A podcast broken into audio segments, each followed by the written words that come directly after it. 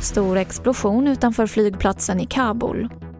Svensk ekonomi tillbaka på nivån före pandemin.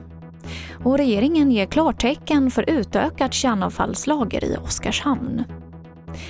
TV4-nyheterna börjar i Afghanistan där en explosion har inträffat utanför flygplatsen i Kabul. Skadeläget är oklart men stora folkmassor har funnits vid flygplatsen de senaste dagarna. Tidiga uppgifter indikerar att det handlar om en självmordsbombning.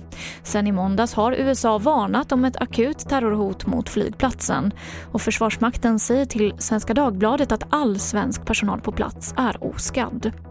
Mer om det här finns på tv4.se.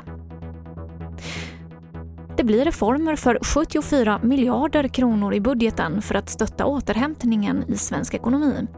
Det här sa finansminister Magdalena Andersson när hon presenterade det ekonomiska läget inför nästa års budget på en pressträff tidigare idag.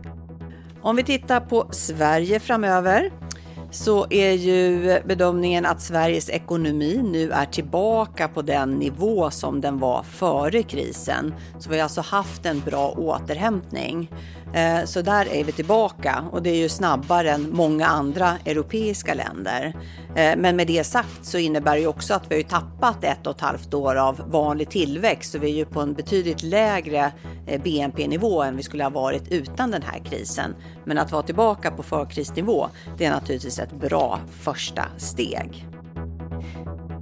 Idag gav regeringen klartecken för mellanlagret i Oskarshamn att ta emot mer utbränt kärnbränsle och radioaktivt avfall. Därmed undviker man hotet att kärnkraften måste stängas 2024.